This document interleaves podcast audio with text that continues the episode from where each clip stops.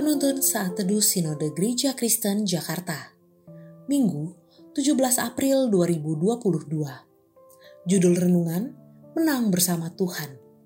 Diambil dari Mazmur nomor 60 ayat 14 Dengan Allah akan kita lakukan perbuatan-perbuatan gagah perkasa sebab ia sendiri akan menginjak-injak para lawan kita.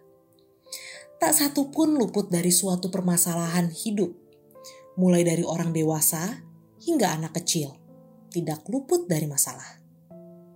Setiap orang pasti memiliki satu atau dua pergumulan hidup yang sering kali membuat hatinya susah dan hidupnya terasa sulit dijalani. Namun, hal penting yang perlu diperhatikan adalah bukan masalahnya, namun bagaimana kita melewati masalah itu agar mendapatkan kemenangan. Konteks Mazmur 60 ini adalah ketika Daud dan bangsa Israel sedang berperang melawan bangsa Aram yang menyerang dari utara dan bangsa Edom mulai juga menyerang dari selatan. Bangsa Israel menghadapi perlawanan yang keras, bahkan berada di bawah bayang-bayang kekalahan besar. Padahal sebelumnya, Daud telah berhasil meraih banyak kemenangan atas musuh-musuhnya. Ketika Daud dan bangsa Israel menghadapi ancaman kekalahan di tengah kemenangan demi kemenangan yang telah berhasil diraihnya, Daud percaya kepada janji Tuhan yang akan memberinya kemenangan dan bertindak dengan iman berdasarkan janji Tuhan itu. Daud memohon pertolongan Tuhan, dan Tuhan menjawabnya melalui nubuatan bahwa Tuhan akan memberikan kemenangan bagi bangsa Israel atas Edom. Daud mempercayai Allah dan ia bertindak dengan iman. Ia mengutus Yoab maju berperang yang kemudian meraih kemenangan atas bangsa Edom.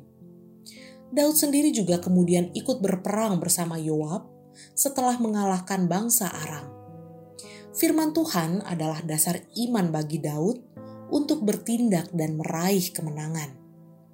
Kisah Daud ini mengajarkan kepada kita bahwa menjadi umat Allah bukan berarti hidup tanpa masalah.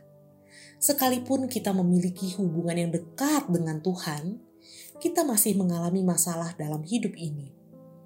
Namun, ada tiga pelajaran penting yang bisa kita pelajari dari kisah Daud ini. Pertama, ingatlah bahwa hanya Tuhan yang sanggup memberi kemenangan. Kedua, berharaplah kepada Tuhan. Ketiga, bertindaklah dengan iman. Dalam kehidupan kita hari ini, apa pun pergumulan yang sedang kita hadapi dan situasi sulit apa pun yang sedang kita jalani, berpeganglah selalu pada kebenaran firman Tuhan ini. Kiranya kemenangan Kristus atas maut memberikan pengharapan yang teguh dalam hati kita untuk terus berjuang dan menang dalam iman atas segala permasalahan yang sedang kita hadapi. Selamat Paskah! Allah menjanjikan kemenangan bagi mereka yang berharap kepadanya. Amin.